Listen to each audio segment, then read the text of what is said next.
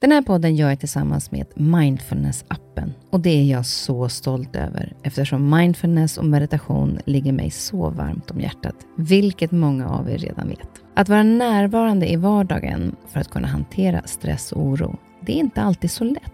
Då kan man ha mindfulness-appen nära till hands för att hjälpa dig när du behöver. För mig kan det vara så till exempel när det gäller sömnen, att vissa dagar då har jag riktigt svårt att komma till ro. Framför allt när det är mycket med jobbet. Då brukar jag använda mindfulness-appen och avsluta dagen med en avslappningsövning för att sänka stressnivån. Det gör det så mycket lättare för mig att somna sen. Oavsett om du kämpar med sömnlöshet, stress eller bara behöver en stund för dig själv så har Mindfulness-appen verktygen för att hjälpa dig att slappna av och sova bättre. Appen är utformad för att passa in i din livsstil med korta övningar som passar även de hektiska schemana.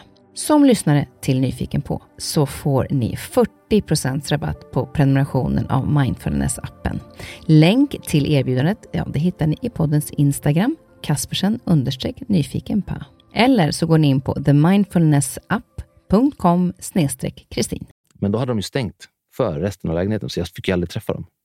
Jag tänkte, jag kan inte vara hemma hos Kjell Bergqvist utan att ha träffat karln. Och då har jag sån tur för att de har en balkong som går från våran del, så går den runt. De bor ju längst upp på ett tak. Så att balkongen ledde ju då runt till den delen som inte var igenbyggd eller igentäckt. Och där sitter han i fönstret. Jag, knackar, jag ställer mig i, liksom i köksfönstret och knackar och säger, knackar på. Och han sitter i kalsongerna med sin iPad och försöker hitta liksom, fokuset på ögonen så att han ser iPaden. Och så kommer jag in och han öppnar fönstret och jag dricker inte kaffe. Så att han häller upp en kopp till mig och då vet jag att nu har jag den här lilla koppen på mig. Att prata med Kjell Bergqvist, den, här, den stora elefanten, kan man säga det? Du lyssnar på en podd från Perfect Day. Våren är här och sommaren närmar sig. Ljuset lyser upp våra hem och snart kan vi ta oss ut på våra balkonger, altaner eller andra kanske åka ut till sina landställen. Jag blir ofta sugen på att göra om hemma när dagarna blir längre, det blir ljusare så att jag ser mitt hem lite mer och då är det mycket som jag skulle göra själv. Men hur ska jag tänka när jag vill hitta olika lösningar? Därför har jag bjudit in finsnickaren, målaren och konstnären Emil Grönholm som ska ge oss tips om vilka material vi ska ha om vi vill bygga något själva. Emil har under vintern och våren spenderat en hel del tid hos Pernilla Wahlgren, eh, byggt om en hel del i hennes nya hus. Eh, och han kallas för Emil Fixar om ni känner till det på Instagram. Han började sin karriär som 17-åring då han ställde upp i SM i måleri och han vann alla grenar och blev Sveriges bästa. Han har dessutom varit med i yrkes-VM i Japan och där vann han eh, tre kategorier. Det var tapetsering, fri dekoration och färgbrytning. Han säger att han älskar att snickra ihop bra lösningar hos människor där man inte kan köpa en möbel rakt av. Det ska vara lite tänk bakom och klurigt. Dessutom är han en fantastisk konstnär och försörjde sig ett tag på sina målningar. Förutom att han ska ge oss bra tips för att eh, få till det där hemma med roliga och smarta lösningar så är jag nyfiken på hans resa från skolan, VM, något år i Australien har han hunnit med och sen hamnade han i Sverige och har delvis också jobbat med Sofias änglar på kanal 5. Inget verkar vara omöjligt för Emil.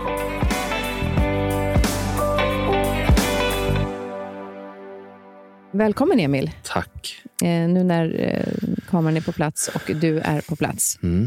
Eh, det är så härligt att du är i studion. Jag har ju följt dig ett tag på eh, Instagram, Emil Fixar. Otroligt. Ja, men det är ju så roligt. Ja. Eh, dels är jag så imponerad över ditt Instagram för att du filmar verkligen och eh, är jävligt rolig där. och sen gör du ju så fantastiskt mycket fint. Vad kul. Jag, jag, jag har ju egentligen alltid hållit på så här. Eh, men jag har liksom aldrig hittat någon, något sätt att få ut det på eller att, att mm, få fram det.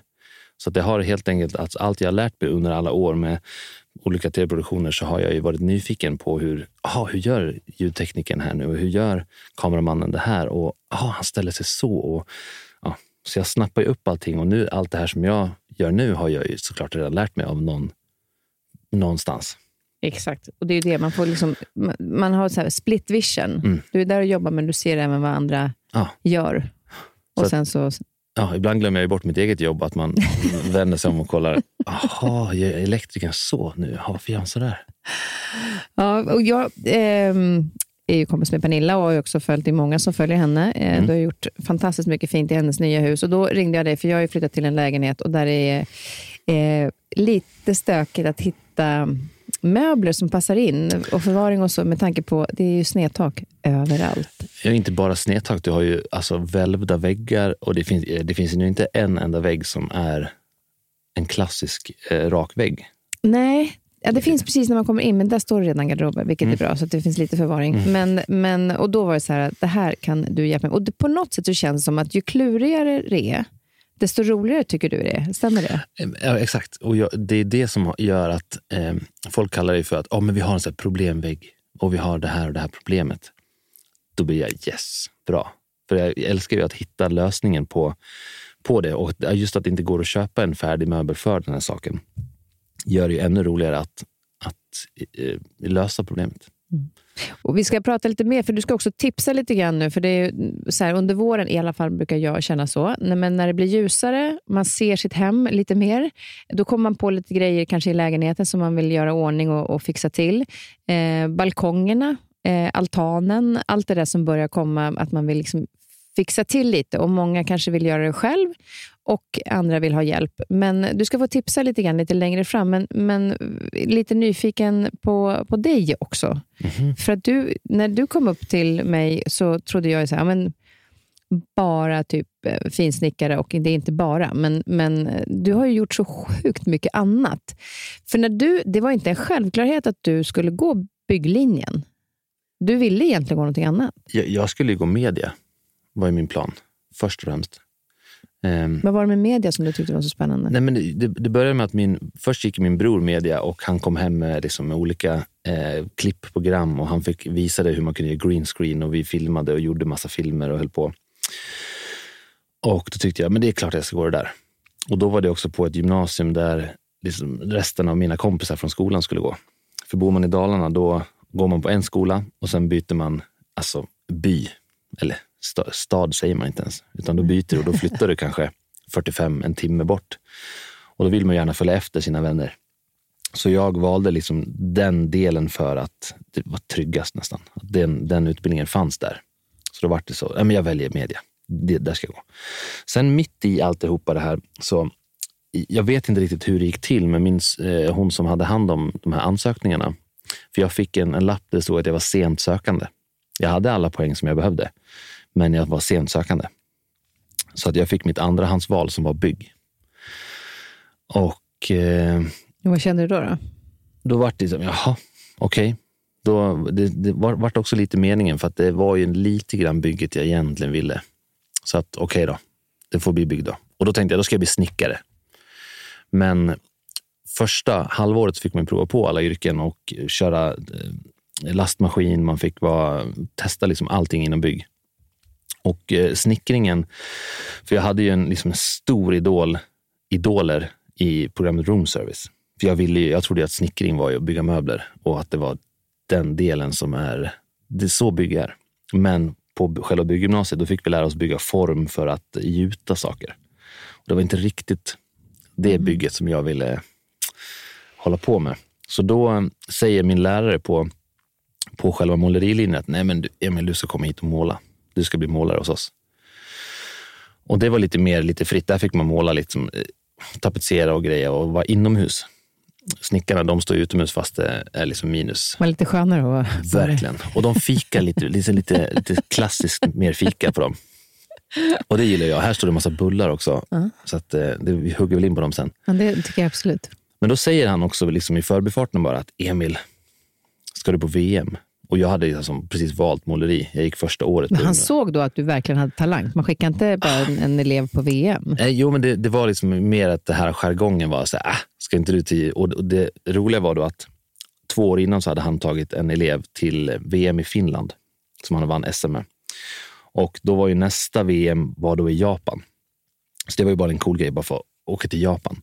Så han, vi drog, hade ju den här jargongen att vi skämtade om att äh, först ska man ju ställa, ställa upp ett, S, eller ett, eh, ett distrikt för att ens kvala till SM och sen ska du vinna SM för att åka till Japan. Så att det är jättemånga steg för att ens ta sig dit. Och i och med att jag då gick i gymnasiet, så jag fick ju ändå tävla mot sådana som, som eh, redan var utbildade målare. eh, som hade tävlat, eller som hade jobbat i några år redan.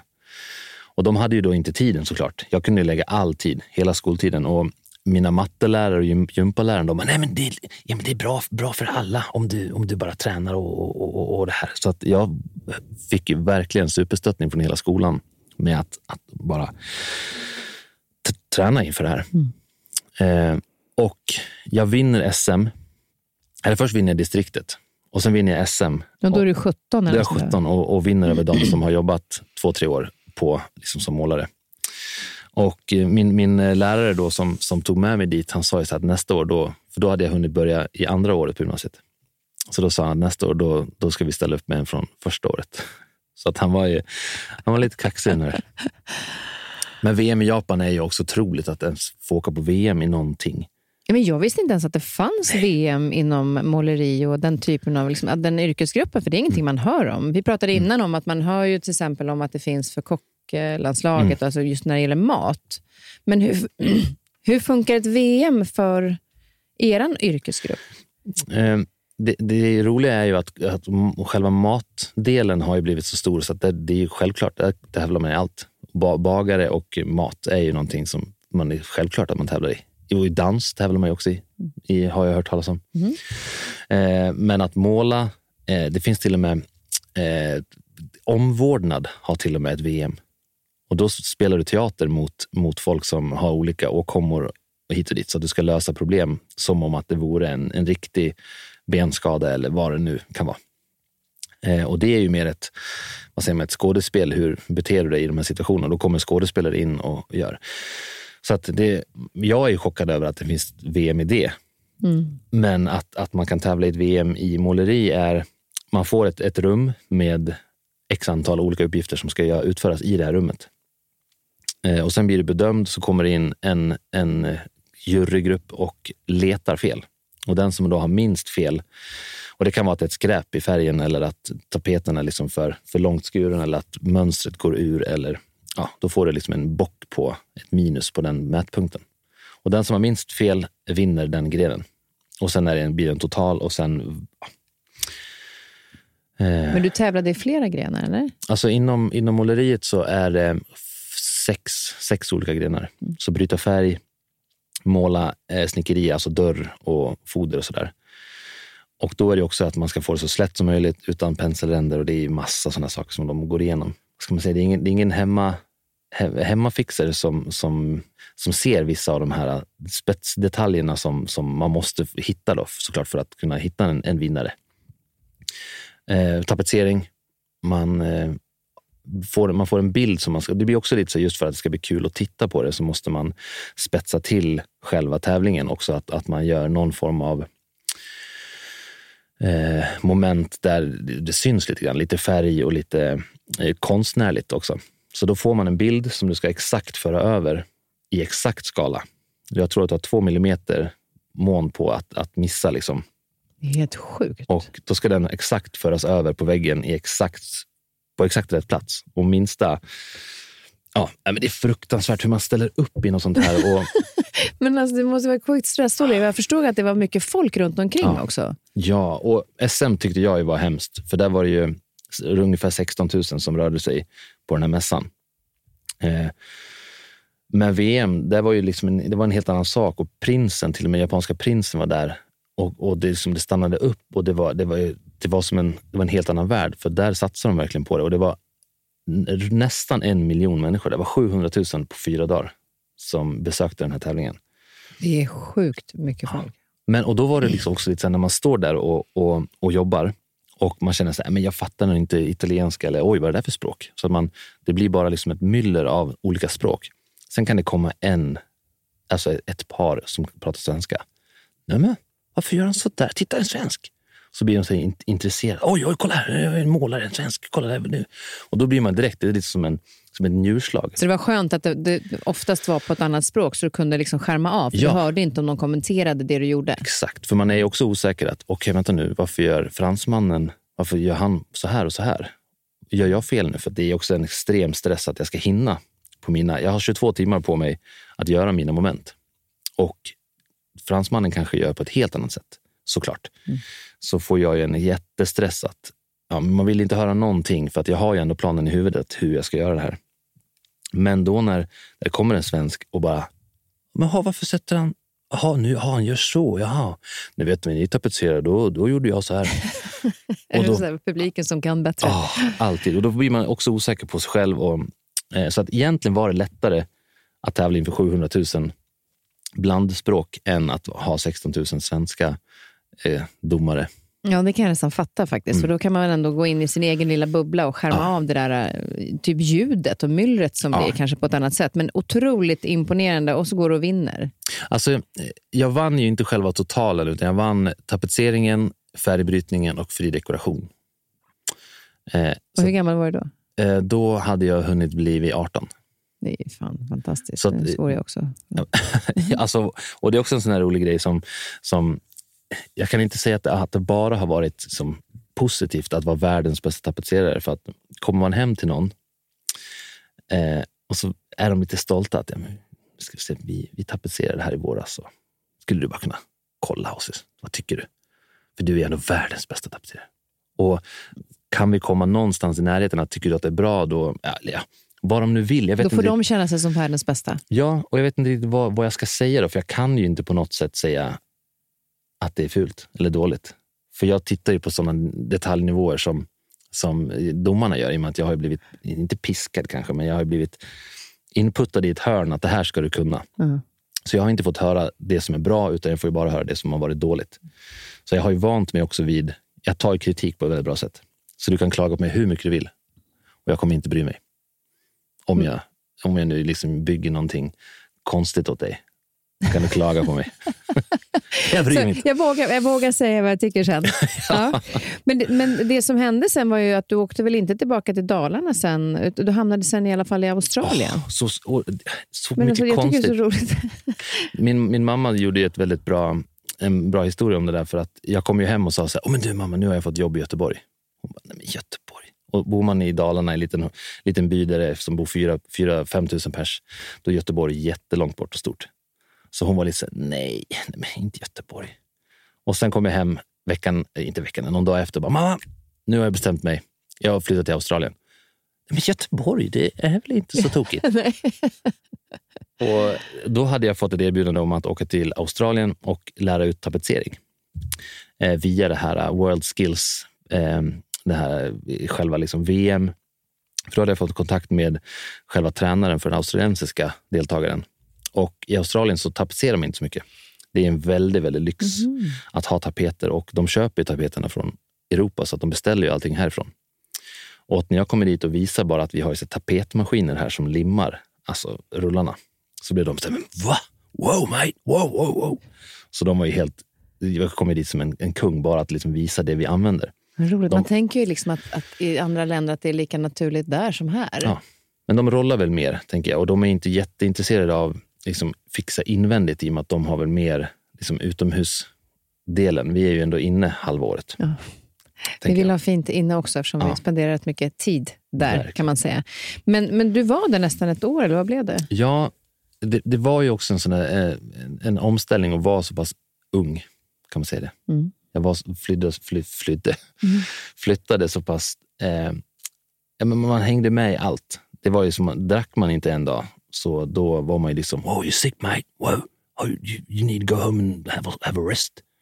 Så börjar de, börjar de liksom säga, nej jag vill bara inte dricka öl idag för att hemma hos, hemma hos mig i Leksand, där dricker man på lördagar. Det var liksom, man var liksom vart konstig om man inte följde efter dem. Så till slut så fick jag bestämma mig att antingen stannar jag här och, och jag gick upp i vikt också ganska rejält, så det var inte, det var inte så hälsosamt att vara där för mig. Eh, för jag ville ju vara med alla. Jag skulle ju vara överallt. Så skulle man äta den och den och så skulle man... Ja. Så jag, eh, jag flyttade hem igen. Det var bäst för, för alla, både för Australien och mig.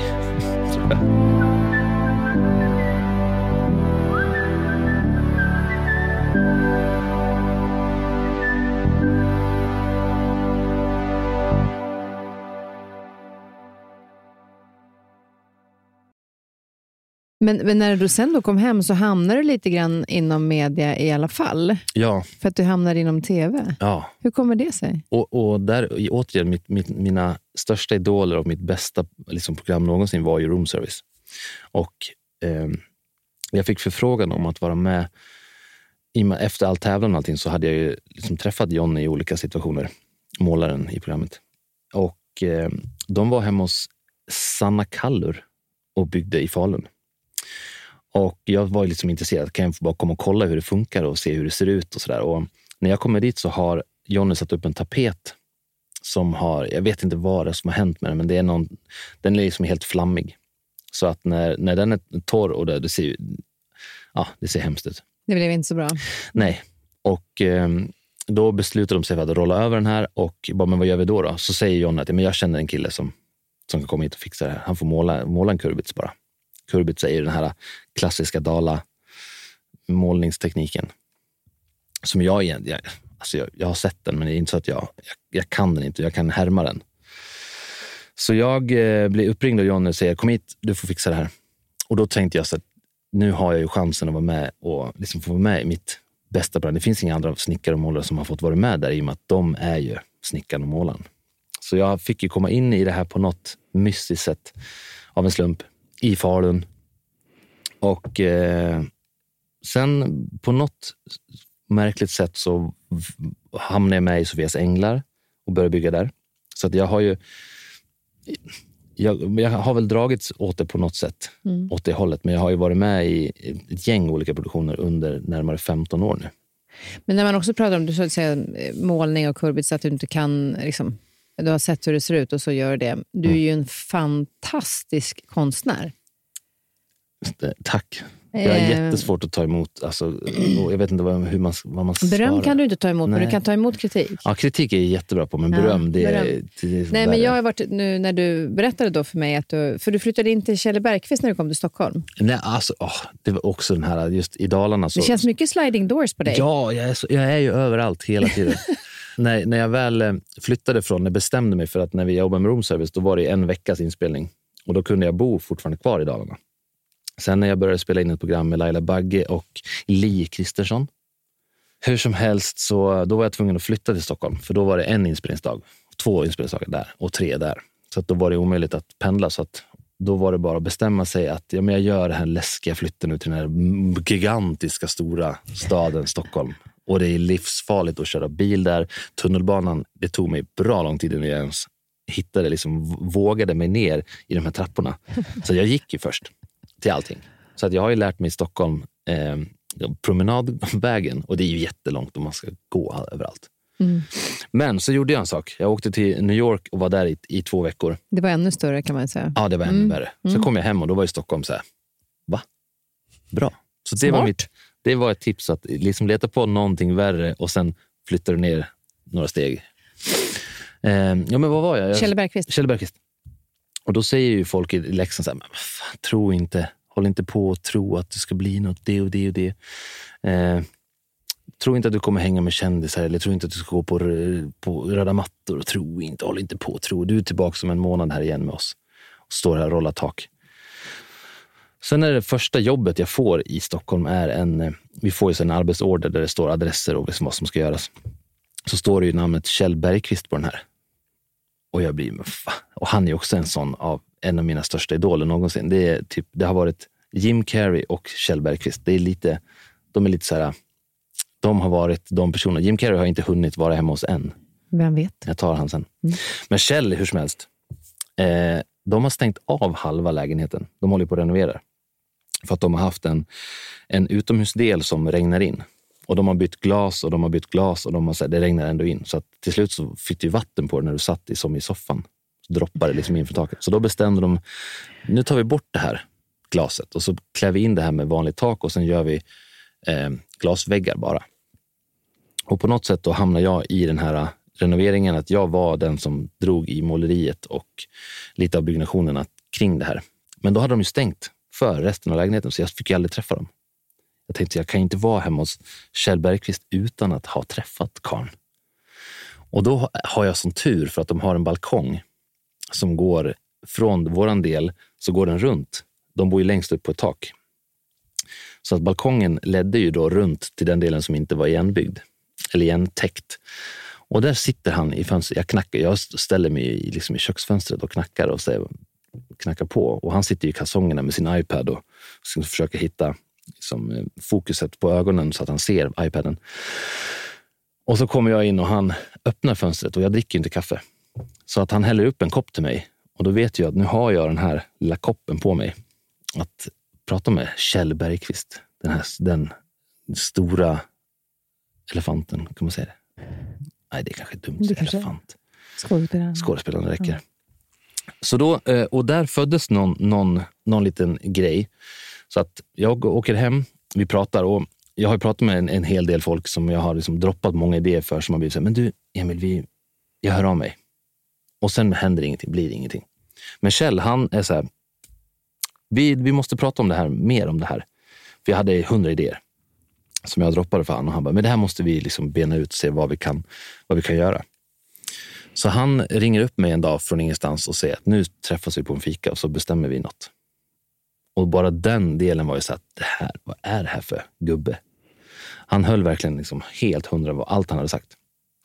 Och då målade jag ett porträtt på honom som jag ville att jag också bara hade målat porträtt till någon i den här. Man ger inte bort porträtt till någon om man inte är väldigt liksom, egenkär och det vet ju inte jag om han är. Och att jag trodde att, men, min dröm hade varit såklart att han sätter upp den här på väggen och att han har den hemma. Det gjorde han ju inte såklart. eh, utan han ville, ju, han, ville, han ville ge bort den. och då sa jag så men det är inte bättre att vi liksom säljer den då. Och han tyckte att Blocket, ska vi inte sälja den på Blocket då? För hans son blev ju livrädd när han såg den här också, tyckte att den stirrade och det var ju en av mina första porträtt, så den var inte superbra. Men det slutade med att vi, vi säljer den här på Facebook. Jag startade till och med en Facebook-sida till Kjell som exploderar och han får ju vänförfrågningar så att sidan kraschar och det ja, lite där är hans storhet också kanske. Så han ser ju då efter ett, ett dygn så har vi fått 12 000 för den här tavlan. Och då ser Kjell att wow, vad är det här? Facebook kanske är en helt okej okay grej. Och idag nu då, nu är det väl fyra eller fem år sedan till och med tror jag vi började. Och det kom ju en pandemi mitt i allt som förstörde mycket av det här. Men vi hann, vi ska ta tag i det här igen nu. Men vi har ju målat för, över 40 personer, svenska profiler. Du har målat? Jag har målat. Kjell har mm. mest åkt med och fått, eh, fått tag i dem och så att vi har fått en signatur. För det har vi varit noga med att varje tavla ska signeras. Vi fick, hade med Avicii, lyckades vi med. Det är fantastiskt den bilden. Ja, och, och, otroligt. Börje Salming. Salming var med två gånger till och med. Mm. Och han var så här, och den gubben också, vilken, att han kommer hem till mig i mitt kök och, och jag tänkte, men jag, jag möter upp dig, jag möter dig. Han, Nej, för tusen, jag är ändå ute och går. Det var, och det som är häftigt med hela det här också, det är ju att pengarna, vad ni gör det ja. här för. För det var inte bara så att ni sålde och ville tjäna pengar, utan det var ju en tanke med det hela. Ja, och alla pengar helt oavkortat gick ju till eh, familjen Bergqvists insamlingsstiftelse. Deras otroligt svårt namn först och främst. Ja. Den ska kunna lära sig säga det. Men eh, och jag kände också så att det här är en, en sån grej som jag vill göra. Jag vill, behöver inte ha någon vinning i det här på något sätt. Utan kan jag få måla de här tavlorna och sen kan jag få beställningar på sidan om. Och det, jag levde som konstnär i fem år. Ja, och det är det som är så häftigt, för du, du försörjde dig som konstnär. Ja, så jag fick in, när folk såg de här äh, Avicii, Peter Forsberg, eh, eh, Sara Larsson-tavlorna så frågade folk om att ja, men kan du måla hundar eller måla katter också? För vi har, vi har åtta stycken labradorer som vi vill ha. Så att, jag har ju satt i nästan ett år och målade päls. Bara massa katter och hundar. Men också den här dalahästen tycker jag är så fantastiskt vacker. Den eh, halvverkliga. Ja, och det, exakt. Det, och det är också så otroligt. Jag har ju, eh, den, den blev ju ett pussel och den blev eh, barnkläder. Och den, alltså jag har ju, oh, gud vad jag har hållit på. Ja, vad du håller på. Oj. Det är ju helt eh, fantastiskt. Och nu, men nu är det nästan, tycker jag, när man ser så är det ju nästan mera ehm, eh, snickeri. Ja. Och det är ju lite snickeriet jag egentligen från första början har alltså varit det som jag har velat gjort. Sen har jag stickat iväg åt något håll och håller på lite grann. Men, men just den här konstdelen, att, att få till de här omöjliga vinklarna, tror jag har också via konstdelen. Att jag vill ju att varje bygge ska bli lite ett konstverk också. Mm. Och sen litar jag inte på någon. Så jag skulle aldrig kunna ta in en snickare för att sen måla, utan då vill jag bygga det själv. och måla och jag ville gärna dra el om det, men det, sånt får man inte dra så att då måste jag ju ta in liksom, den expertisen. Och VVS och vatten är också sånt som jag önskar att jag kunde, men det, jag får, någonting borde jag, får jag be om hjälp på. Man kan inte kunna allt. Nej, Eller eh, vill du det? nej, jag vill ju jättegärna kunna allt såklart, men det, jag tror inte jag hinner.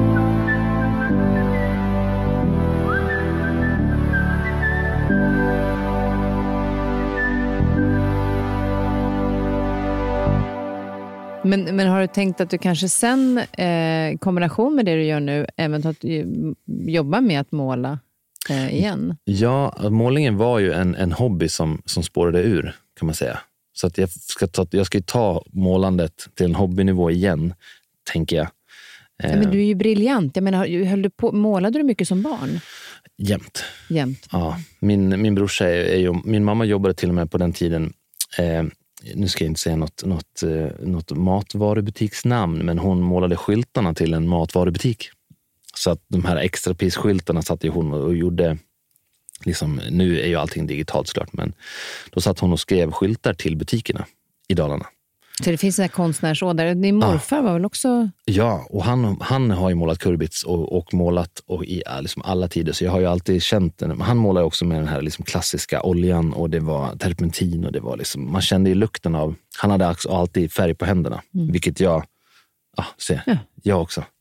Jag hade faktiskt också det häromdagen, fast det var inte... Det var, jag gick en keramikkurs. Ja. Ja. Och då Ja. skulle vi eh, glasera. Aha, och doppar man det då i, Då doppar man Ja. liksom det, det man har gjort så doppar man det i en, en, eh, tunna. Men Mm. först var man tvungen att vaxa under så inte det fastnar i själva ugnen. Sen. Aha. Man vaxar under och sen så doppar man ner det.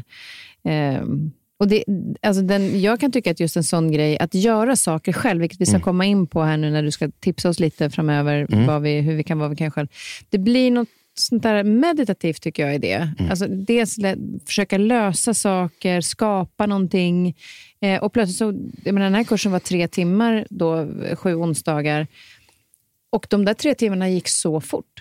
Och det är det som är det häftiga med... eh, Jag brukar säga att, att målningen är min drog. Att jag, har, jag dricker inte kaffe, jag, jag, jag, jag dricker knappt alkohol överhuvudtaget. Eh, men att när man sitter och målar, jag kan sitta i sex sju timmar och så bara känner man att jäklar vad jag har ont i ryggen. Och så börjar man säga, fan jag har ont i magen också. Fan, jag måste kolla, jag måste kanske gå och äta någonting. Och då är det liksom, när jag, var, när jag levde själv, då satt jag och målade liksom hela nätterna långa och vaknade till att shit, klockan är fem på morgonen. Jag kanske måste sova nu. Och man, känner, man tappar tid och rum. Man, man, man försvinner in för jag sitter och fokuserar på att måla det här ögat nu eller den här hundpälsen eller jag vill, måste få till den här nyckelringen på halsbandet. Eller, så kan man sitta där och jag förstår, jag förstår exakt din, din känsla när du sitter där och håller på med din, för att det finns inga problem i hela världen. Ingenting kan komma åt dig när du sitter med din, din keramik, eh, vad säger man, din Leran som man håller Ja. på med. vad säger man? Man, man eh, drejar. Ja, det, vi gjorde både dreja och sen var det så här kavla och ringla. Så vi Ah. fick lära oss olika tekniker. Mhm. Eh, fantastiskt roligt. Mm. Eh, riktigt. Men jag tycker ju, jag stickade mycket som liten, jag har virkat ibland Ja. och sådär. Så att jag har, tycker ju att det där är roligt och har man den känslan så blir det lite grann att ja, men då vill jag prova det här också. Men det som man också ser på dig är att du har ju målningen som bakgrund och sen så använder du ditt konstnärliga öga för många olika delar som kommer igen. Och Det är lite grann som du sa, för du har ju visat nu ritning, om vi ska komma på, in på det här med lite tips och sånt och vad man kan göra, så ehm, har ju du eh, visat mig nu eh, ritningar då på vad, hur du kan göra olika lösningar i eh, mitt eh, knasiga hem. som det är. Ska, Men vi, ska vi säga att det är en, en vindsvåning? Det är min våning. Och ehm, då tänker man ju att ja, men, kanske till och med kan taken få vara normala. Då. Nej, Nej. där är det stockar och snedvinklar så att det är ett drömhem för mig att komma in i. älskar att det är det. Men just när man ska göra någonting själv, om man tänker då så här att Mm. jag skulle vilja, vad är det man bör tänka på? För du gör ju en ritning först till exempel, som du Mm. visar mig, så man får en bild av hur det här ska se ut. Ja. Eh, hur, vad, vad ska man tänka på om jag får så här, nej men nu, om vi börjar inomhus då, jag vill bygga, det kan vara, vad brukar folk fråga om förresten, när de ska göra själv?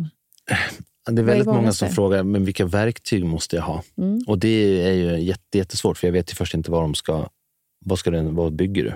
Men jag har alltid ett, ett, eh, ett tips som jag själv har liksom lärt mig den hårda vägen. att de, Jag fick till och med ett, ett namn kallat efter mig, Emil-projekt. Kallades projekt som startades, det här, var, det här gick jag i, liksom, i högstadiet kanske, eller innan högstadiet. Och då började jag bygga en sak och sen kom jag på en annan idé som var lite roligare. Och då började jag bygga nästa så att det stod halvfärdiga projekt. Så att de halvfärdiga projekten hette Emil-projekt. Så att det, men det, folk frågar, vad är det här? Nej, men det är Emil-projekt. Okay. Det, ska, det ska bli någonting. Det ska bli någonting. Mm. Men, eh, och det är kanske ganska vanligt att man börjar med någonting men man slutför inte. Nej, och då kom jag ju på det. För jag eh, liksom hittade problemet till det här var att jag hade inte alla saker innan jag började. Så för att, att man inte ska dra igång ett Emil-projekt i sitt eget hem så ska man se till att man har alla verktyg först, allt material innan man börjar. Så att man inte börjar smyga med att jag sätter bara upp de här eller så köper jag de där listorna sen eller jag köper eh, dörrfodret och det sen. Och jag, jag, men, jag åker och köper, jag lånar den där sågen sen. Fixa alla saker innan du drar igång. Mm. Så att allting finns. Och därför är ju också själva ritningen det viktiga. Att du gör en ritning, även om det bara är en skiss på ett papper eller att det behöver inte vara exakta måtten.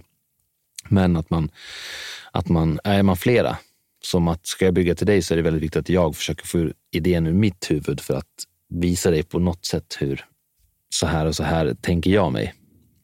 Och eh, har man då den ritningen eller den skissen så är det väldigt lätt att man Vet man inte själv så kan man ju ta den ritningen och säga att behöver jag, nu ska jag såga upp och göra en hylla. Behöver jag, vad behöver jag ha för verktyg? Vad behöver jag ha för färg? Behöver jag ha grund? Behöver jag ha det och det? Så då gör man också en lista på materialet och på verktygen. Mm. För annars är det lätt att om man inte köper färgen så är det lätt att man har fått upp hyllan och är så jävla nöjd där och sen så just det, färgen yes. också. Men och då, det, blir det, tar... då kommer Emil-projekten in att jag tar det sen. Och mm. sen helt plötsligt i ivern att nu har jag ändå dragit igång så har man hittat på att men jag kanske ska göra någonting i köket också. Mm. Då börjar man riva ut luckorna i köket. Mm. Och sen kommer arga snickaren in och har liksom en, en dröm drömprojektet. Han blir så arg. ja, exakt. Men just det, jag tänkte på det när, när du kom till mig. För Jag bott i hus tidigare och mm. då hade jag en jättestor verktygslåda. Jag hade lite maskiner och, och sådär. Och eh, nu när du kom upp till mig så frågade du om jag hade en skruvmejsel och då mm. tog jag fram min eh, Ikea... Eh, du var inte jätteimponerad. Ja.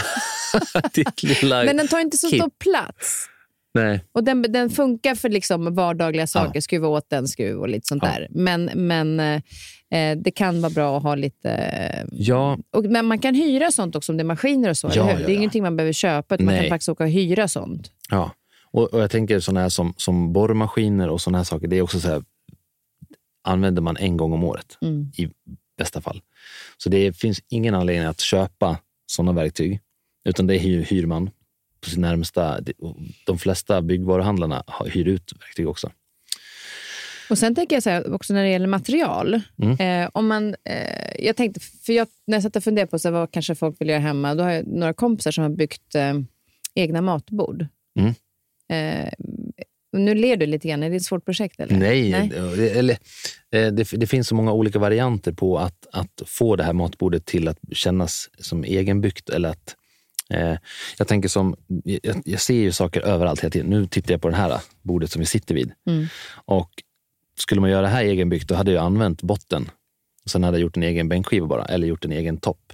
Exakt, för det är det mm. man kan göra. Man behöver inte göra allting från scratch Nej. själv. Så har du ett bord, det är idiotiskt att, att slänga det eller göra sig av med det. För att materialet i det man redan har är super, superfint. Och river man och ska bygga en, en garderob, det är jättefint material i garderoberna. Om det inte är en, liksom en spånskiva, men det går ju fortfarande att använda sig av de materialet i och liksom att bygga sitt, sin nästa del. Ja, för du är väldigt mycket för att man ska återvinna och använda, liksom hitta... Ja, det, det har ju också kom, kommit fram till att just när man är inne i stan och bygger så ska jag först då riva den här bokhyllan, plocka ner den, bära ner den för att sen bära upp i stort sett samma material. Och det är, det är helt, helt idiotiskt. Om man får säga så. Mm. Det får du göra. Det får man.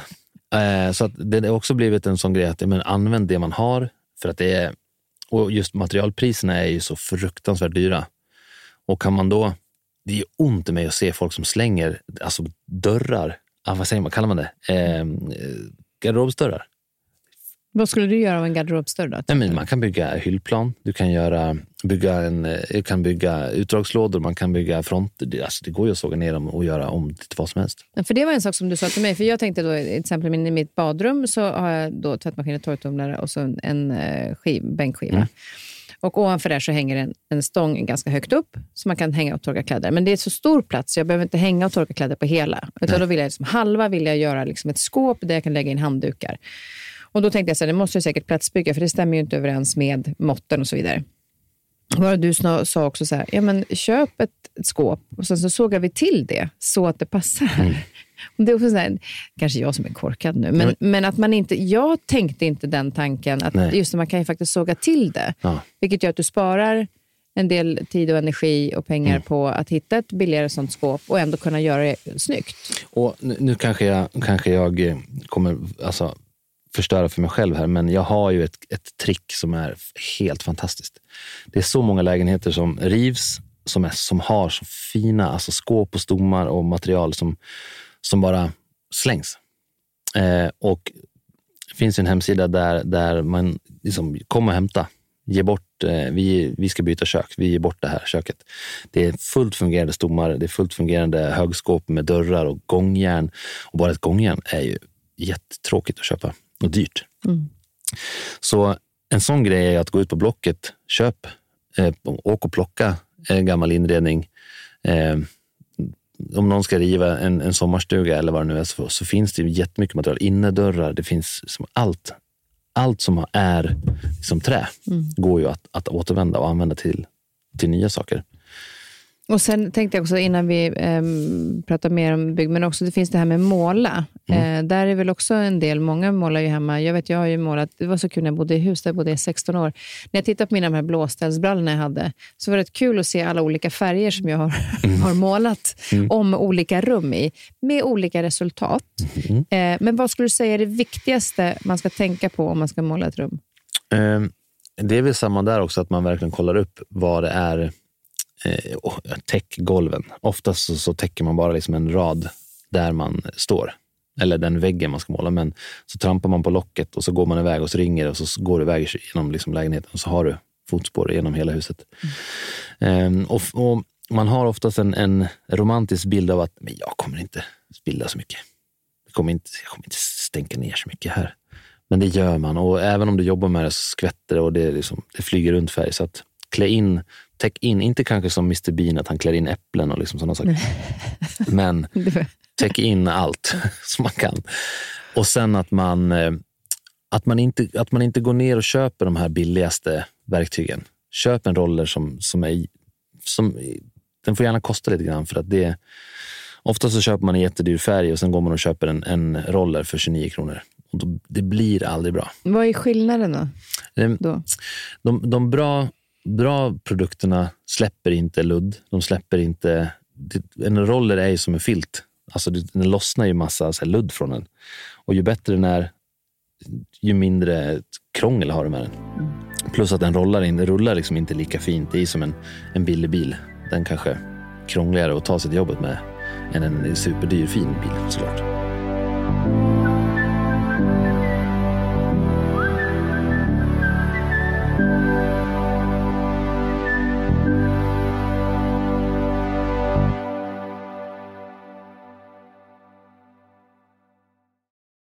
Hur ska man tänka om man då till exempel rollar väggen? Att, att eh, det första lagret ska det vara liksom täckande, tunt? Eller hur tänker man? Ska man vara noggrann med det första lagret? Ja, alltså det, man har ju olika, olika, ska man säga, olika tider på sig att fixa till skador.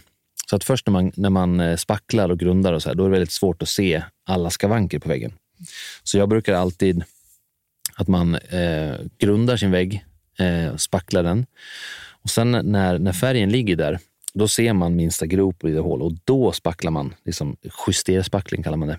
Och då justerspacklar man väggen och sen har jag ju fått, eh, eh, fått höra, jag har ett trick som, jag, som man kanske liksom inte riktigt har vågat sagt, men nu är jag så här, men nu, nu kör jag det här. Men Det som du har lagt ut på Ja. Instagram som flera har blivit inspirerade av. Ja, och det är, en sån här, det är, ett, det är ett sånt trick som, som, eh, som man, man jag kanske inte skryter om det så mycket, men det funkar. Det är helt fantastiskt. Man, när man har gjort fläckspacklingar, att man har spacklat små fläckar, då tar man en disktrasa, den är lite fuktad. Det dammar inte och du kan liksom slipa ut kanterna helt perfekt. Och du får bara spackla precis där du vill ha det. Och det har ju verkligen underlättat för mig när jag bygger möbler. För då får du bara ha spacklet där spacklet ska vara.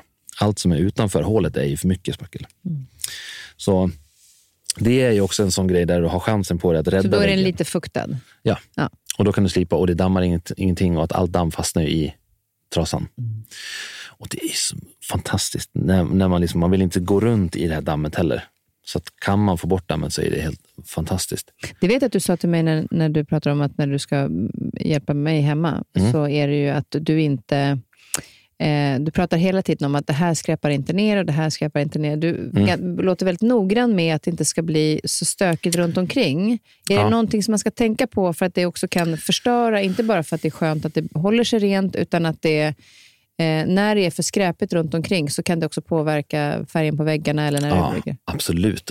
All, all renhållning som, som är, att jag skulle säga att ska man göra någonting, hyr en riktig dammsugare. Eh, använd inte er liksom egna dammsugare som ni har hemma. För slipar man, dammsuger man upp slipdamm, då går den sönder. För det här dammet är så fint så att det går igenom filter och sånt i dammsugaren och förstör den.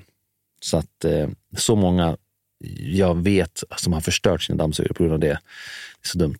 Onödig kostnad. Ja, jättemycket. Och jag, jag är också så här att jag vill, jag vill komma in till en kund och liksom, det ska inte märkas att jag varit där. Jag vill inte få på mig att men du har ju dammat ner hela köket, eller hela vardagsrummet. Och vi kan inte ta in hantverkare för att de dammar ner och att de går in med skorna och de gör så och så. Och så. så jag har till och med ett par tofflor med mig som jag liksom har med mig och slänger ut så att jag går runt i mina egna tofflor. Och Det är också en sån grej som har, det underlättar för mig själv för att jag känner att jag är ändå hemma hos dig och jobbar. Jag vill inte klampa in här och eh, knappt så att jag vill liksom låna mikron. Jag tänker om jag, nej, jag- nej, det ska vara orört. Men, men när, det kommer till de här olika möblerna, vi pratade igenom matbord, att man Mm. exempelvis då kan ta, byta skivan och behålla det som är under. Mm. Eller det här, de har man kanske sett många gånger, men att typ någon sån här målar... Vad heter de? Bockar? Mm. Ja. Och sen att man hittar gamla träplankor Ja. eh, på olika sätt som gör att det blir den här skärmen om man vill ha det. Mm. Eller, vad, vad skulle du säga är lättast? Är det här, för mycket det här moderna, stilistiska, kanske lite rena, än det här rustika. Ja. Vad är lättast att göra själv? Eh, det rustika får ju vara lite charmigt, vinkelsnett och lite så här, det gör ingenting, det får gärna vara det. Eh, man, man vill ju ändå kunna ställa ifrån sig en, en, ett glas på det utan att det liksom vinglar. Eh, men jag tror att, att om man, det är så dumt att uppfinna hjulet igen, att börja från noll. För att bygga ben och göra en stomme som är stabil är ju det svåra. Men att, att man kan hitta ett, ett, ett bord på någonstans, man kan kanske ha ett gammalt bord som, man, som har okej botten, så är det ju väldigt lätt att man, och säga att det här bokhyllan i garderoben som vi precis har rivit, perfekta eh, skivor. Du kan bara måla dem. Och kanske bara spackla igen hålen för, för eh, knoppen. Så är det en helt perfekt eh, skiva. Så att man, man kan använda så mycket och allt går att måla. Till och med glas. Så det här med att det är fel färg på någonting, det är... Och sen att man också, för det vet jag du gör hemma hos mig, att du tänkte så här, men eh, några hyllor vi ska bygga, då tittar du på de här bjälkarna i taket. Att Mm. du tar in, att man kan titta lite grann runt omkring. Vad vill jag plocka upp så att det, känner, att, man, att det gifter sig lite grann med någonting i lägenheten? Ja. Och, och det Eller där är en, det är en, en sån en grej som också kommer med att man har, man har lärt sig att vad passar med det här och vad passar med det här. Så direkt när jag kommer hem, som till dig nu, där är det ju superlätt att se stockarna. De är ju de, de man, att någon har ju någon, någon gång rivit det här taket och hittat de här stockarna. Och de har massa, massa så här ärrade liksom hack och sen, för det var inte så noga för det skulle ändå vara på vinden. Så de har inte brytt sig så mycket om att liksom slipa dem fina, utan de är ju så här hackiga och eh, det är något, något hack. De kanske någon har ristat in den som satte upp den eller liksom man kan hitta saker. Det är som en, som en gammal tavla nästan. Och det, den känslan vill jag ju fånga in att kommer man hem till dig nu så ska inte den här bokhyllan i hörnet i den här svängda formen kännas som att, att den här har du ja, men du har köpt den här någonstans eller att den har kommit in efteråt. Utan den, ska ju, den har de ju också hittat. Den har ju du ha- harvat fram med din, med din yxa när du var här. Och, och, ja, men Det där tyckte jag lät bra. Att jag, jag, har, hittat, jag har gått med yxan där och När du fram yxade fram det här Ja. hörnet, då var oj, kolla här, kom ju en bokhylla fram. Och då vill man ju också ha känslan av att det är samma feeling som stockarna. Att det är ganska rustikt, men inte att det blir för... Liksom, det ska ändå vara ett hyllplan, så att då ska det ju kännas lite stockigt, men inte att det blir liksom för stort och för, för tungt. Ja, jag känner nu att jag ska också säga till dig som lyssnar att när den här eh, hyllan eller vad det nu blir för någonting som jag har yxat fram, när den är klar så eh, tänker jag att jag lägger ut en bild på poddens Instagram så Ja. man eh, faktiskt kan se vad det är vi pratar om. Ja, så blir det lite tydligare. Ja. Eh, när det gäller då, om man tänker så här, nu börjar vi närma oss våren och balkongen, vi vill Mm. fixa till. Hur ska man tänka när till exempel om man vill göra en bänk eller sina blomlådor, göra om dem? Vad, vad, vad kan man tänka tänka när det gäller balkongen? Eh, balkongen är ju, alltså det är ju, det är ju liksom vårtecknet. Jag, I och med att jag kommer från Dalarna så har jag ju alltid haft en stor, en stor gård att springa runt på. Men när man flyttar till Stockholm då är man så extremt glad över sin lilla balkong. Och det, är liksom, det är ju mitt, det är min uteplats. Det här, man vårdar den så extremt mycket. Och då vill man ju också då ha, det man bygger i år ska ju också såklart klara hela vintern. Och att jag ska kunna ha samma känsla nästa sommar eller nästa vår. För att jag bygger ju ingenting, lägger inte ner tid och pengar på något som håller så pass kort tid att, att jag måste göra om det nästa år. Så att jag har ju, jag har ju själv suttit i den här sitsen också, att, med, att mina idéer, att jag sa, okej, vad ska jag göra? Jag måste få plats med en grill här, jag vill få plats med en pizzaugn. Vänta, jag har bara tre meter, eh, tre meter balkong och den är en och en halv bred. Ja, men det ska gå. Och då måste man också hitta förvaring så att de här soffkuddarna och det som man har ute på balkongen, man ska inte behöva plocka in och ut det, utan man, ja, man måste också alltid tänka väderbeständigt att gärna vinter, även om det nu är en vår, vår som kommer så ska det klara vintern sen. Och då är det viktigt med materialet, eller? Extremt vad ska man viktigt. tänka för vad material då? då? Ehm, Egentligen är ju själva behandlingen på materialet så att du kan ju välja, välja en, ett träslag som, som, eh, som ska vara utomhus men att du måste behandla det och ta hand om det. Ehm, Det är som ett att altangolv måste ju slipas, tvättas och tas hand om och oljas eller betsas eller vad man nu väljer för sorts behandling på det. Men det är superviktigt att man inte tror att, att man bara kan bygga det här nu och sen släpper man det. Utan det måste tas hand om. Det är väl som blommor nästan. Mm. Du köper inte en blomma och sen, hopp, sen överlever den bara av sig själv.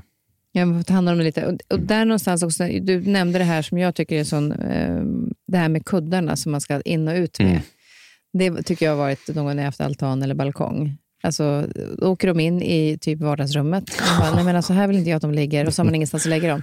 Att just till exempel, men då är det inte alltid att måtten funkar heller när man hittar en bänk med lock till exempel. Om man vill ha en bänk Mm. där man både kan sitta på och lyfta på locket och lägga ner. Mm. Men, men där är det också en sån grej då, så att då kan man kapa. Ja. ja, man kan såga och bygga om allt. Och väljer man då att, att jag gjorde så på, på min balkong att jag hittade soffkuddar, alltså vanliga dynor, utomhusdynor. Och då byggde jag själva, själva stommen efter dynan. Och eh, att man kan se nu att jag har, jag har en 1,80 mellan väggen och räcket. Men jag hittar inga dynor. Då kan man göra som ett litet sideboard mellan dynorna så att man ändå bygger in som en, en trädel mellan ytorna så att det känns som att man har... Man ska lura den som ser att, att det är byggt så här. Det är meningen att den här kudden och den kudden är exakt formsydda för det här. För att man har lagt in då en, en kanske ett, liksom en liten bordsdel eller liksom en... Du får ändå plats att sitta på båda sidorna. Men att man ändå hittar den här... Att man lurar, att, att, lurar ögat. Det var meningen att det skulle ja, vara så här. har alltid varit meningen. Ja. Men om man gör en sån låda, måste man då, eh, jag tänker just med fukt och sånt, ska man eh, på något sätt isolera den på insidan? Ja, För det blir ju ändå fuktigt. Precis, och det är ju jätteviktigt för det regnar ju och blir fuktigt och man får inte klä in den helt utan det måste också finnas luft. Det är som ett, eh, man, man måste tänka sig som ett förråd nästan. Att det ska vara ett, ett, ett, ett, eh, ett helt tak och att alltså, säkra väggar så det kan liksom inte blåsa in. Men att golvet ändå luftas. så att fukten liksom kan gå ut någonstans. För att annars kommer det mögla direkt. Exakt.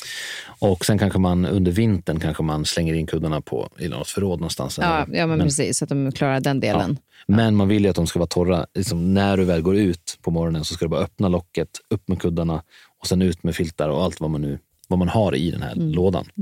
Och blomlådor är också sånt som jag nu faktiskt har sett på Instagram lite grann, att, de, Mm. att fler och fler bygger själva eh, och hittar gamla, gamla lådor. För det är ju någonstans, eh, det går ju att göra dem, de är vissa kan ju vara rätt tråkiga. Man tittar på Mm. blommorna, men själva blomlådan är tråkig. Hur skulle du kunna tänka, ge som förslag hur man kan göra eh, en blomlåda lite trevligare? Ja, det finns Jag gjorde faktiskt jag spårade ju totalt, för jag skulle ju så här, jag har aldrig hållit på så när jag bodde i Dalarna. Jag har aldrig odlat saker, jag har aldrig liksom varit intresserad av morötter eller potatisar. Men när jag bor i Stockholm och har en balkong på, på tre kvadrat, då jävlar ska då jag, grejer. då ska jag odla potatis helt plötsligt. Och det var att jag kände så, för, för det finns såna här murarhinkar som är lite så gummiaktiga. Och det är perfekt för att odla potatis i, tydligen, har jag, fick jag lära mig. Men de ser ju fruktansvärt tråkiga ut. Så då klädde jag in dem med, eh, med, med stavar. Så det ser ut som en blomkruka. Med stavar? Alltså, vad säger man? Eh, nu tänkte jag trä- skitstavar, men nu typ jag... som eh, det här bordet under här som vi sitter Ja, nu. typ som att det är träplatta, Som ribbor. det- Ja. platta träribbor. Ja, och de kan man limma på den här hinken. Så jag limmade in den här hinken och sen gjorde jag bara en topp och sen fyllde jag med jord. Och sen rätt vad det var så började de här potatisarna växa. Då var det ju det som en jättefin blomma. Så de här bladen från potatisen var ju superfina när de kom upp. Men då tänker jag, när det gäller de här, då, eh, till exempel de här stavarna som du gör, Mm. om man kanske inte har såg och sånt där hemma, kan man då gå och köpa och så kan man också på vissa ställen säga, kan ni skära upp de här? Ja, ja, ja. Såga upp, skära upp, Ja. såga upp. Mm. Så får man det liksom redan klart när man åker Ja. hem. Och går man då till en, en bygghandel så, så har de såg, de har allting och de har även de här hinkarna. Och även om du hittar en, en blomlåda som, du, som är liksom en, en vanlig plast, en sån här som hör till blombalkonger, så tar du den med dig och hä- hämtar dina ribbor. Sen går du till den här ytan där, där man sågar. Och så har du dina mått och så ber du om att såga ut de här bitarna. Så kommer du hem med, med, med som ett, det är som en legobyggsats, att du bara limmar ihop det här. Och det är då man går in i den här eh, Exakt. mental meditationen. Man Ja. bara sitter och pillar och limmar och liksom skapar. Ja, och, då, och då, det är då man vaknar upp liksom, och så har man missat sommaren. Och så är det vinter. Ja. Men det ska inte bli något evigt projekt, så det ska i alla fall bli klart. Exakt. Och det är det också som när du väl sitter i det, hela den här processen från att, att börja fundera på att okej, hur ska jag göra nu då? Att man skissar, man ritar upp, man gör olika idéer. Man kanske bollar idéer med, med någon vän eller någon man lever med eller vad det nu än är. Och sen att man gör hela vägen. Att till slut så står du där och så har du potatis helt plötsligt på balkongen. Så är det så, men vänta nu. Allt det här börjar med att jag skissade på ett papper. Och det är ju också ytterligare säger man, en, en present i detta mm, mindful... Det är lite, så här, lite, lite flummigt nästan när man väl är i det.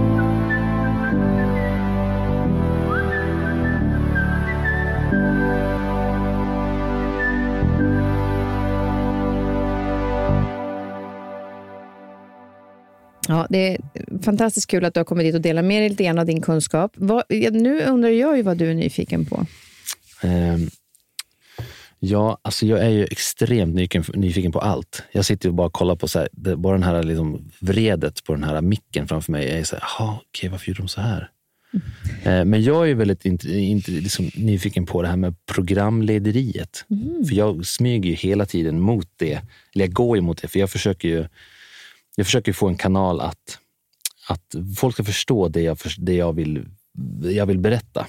Och jag måste ju på något sätt lugna ner mig i mitt pratande så att när jag kommer hem till en kund och ska försöka förklara min idé så vill jag på ett programledarmässigt vis förklara på ett lugnt och tyst sätt och inte spåra iväg och springa iväg och springa in i badrummet och hitta på en ny idé. Utan jag måste... Jag är intresserad av programlederiet, kan man säga så? Mm. Ja, men det är ju en, en, eh, det är bra att, att man är bra på att prata, men det är också, ehm, man har en viss tid på sig. Mm. För det är ju, både du och jag är bra på att prata, men sen gäller det att man säger att nu har du 30 sekunder kvar, typ. Ah. Då ska du vara klar. Aha, ja, såklart. Ehm, för att det är ju vissa, eh, och det kan jag ibland tänka på när de, eh, man till exempel gör synkar, när de spelar in eh, ja, vad, man, vad man tycker om någonting. Alltså man ser det till exempel i Wahlgrens värld, man ser det många gånger när man sitter och pratar med. Eh, då vill man ju kunna klippa ibland i det man säger. Och jag vet ju själv att jag har en förmåga att jag drar på, så kommer jag på så här, ja, jag kanske ska andas också, så ni kan få möjlighet att klippa någonstans. Men det är ett väldigt roligt jobb. Ja. Eh, Det är ett fantastiskt roligt jobb och eh, du, jag tror du har ju alla förutsättningar att lyckas i det. Kul. Men jag har ju också, i och med att jag jobbat inom tv, så har jag ju stått på andra sidan kameran och tittat på programlederiet och jag har varit på olika galor hit och dit och sett programledare. Jag tänkte, det där kan väl jag. Och sen när man väl hamnar på den här i, när man hamnar framför, liksom, det känns som att man står med ett gevär framför sig och att man är så här, "Åh, okej, vänta nu, åh." allting blir livs... Jag kommer inte ihåg vad jag heter. Jag spelade in några byggtips för, för en kanal och det var ju fruktansvärt läskigt. Och då var det också lite manus, att man skulle, jag skulle prata om ett manus och då blir jag också, ja, nu är det så här. Och så börjar jag fundera, jag, jag försvinner iväg och jag får inte in det naturligt. Jag kan inte prata efter någon annans text, utan det måste vara mitt. Jag brukar tänka innehållet i texten, vad är det jag vill säga med det här? Och sen så Ja. kan man använda sina egna ord på ett annat sätt. Ja. För det är ju ändå det talmässiga språket. Jag skriver ju till och med när jag skriver böcker, så har jag skrivit talmässigt, för jag är så van att prata. Mm. Så att jag har ju fått hjälp att redigera för att det ska liksom vara lässvenska och Aha. inte talspråk. Nej, liksom. okej. För att det blir ju lite annorlunda i det.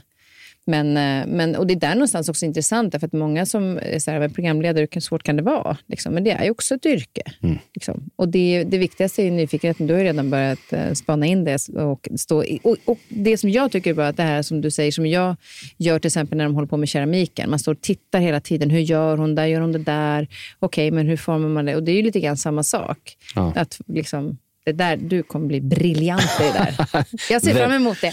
Vem vet, snart Mm. kanske du och jag leder Let's Dance. Ex. Du ser. Jag kommer Ja, inte dansa bara. Nej, och det här är lite roligt för att det är ju, vi spelar faktiskt in eh, den här podden dagen innan premiären av Let's Dance. Får Mm. jag eh, vara med och dansa den här säsongen eller är redan liksom uppbokade danser? Den här säsongen kan jag lova den är uppbokad sedan flera veckor tillbaka. Ah. Okej. Men vem För- vet, vem vet? För Mm, allas skull, så låt bli att bjuda in mig.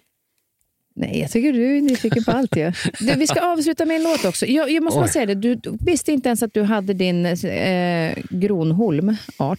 Oj, Eh, nej. Gronholmart.com gick Mm. jag in och kollade på. Och där ser man, jag tänkte vi har pratat mycket om dina målningar, men också på Facebook. Men där ser man flera av de här dina fantastiska målningar. Så gå in och titta där så förstår ni vad vi pratar om. Och just också den här till exempel Dalahästen med, som är menar, en riktig, da, en Det är riktig häst, Ja, men som Dalahäst. ja. Ja. Det är en, en, en, en, en rödmålad eh, vanlig eh, häst. Med lite... Ja, I Dalarna är alla hästar röda.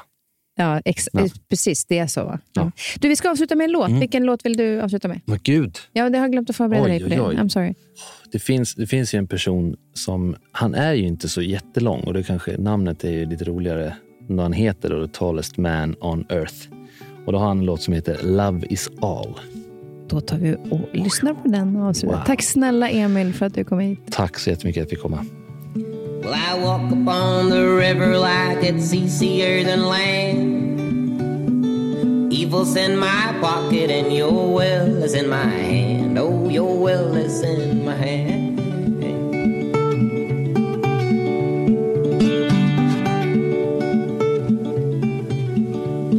And I'll throw it in the current that I stand up on so still. Love is old from what I've heard, but my heart's learned to kill. Oh, mine has learned to kill.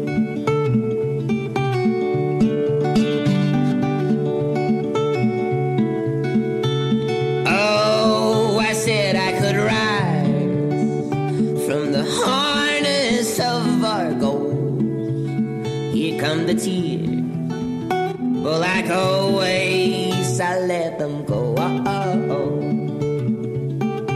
Just let them go.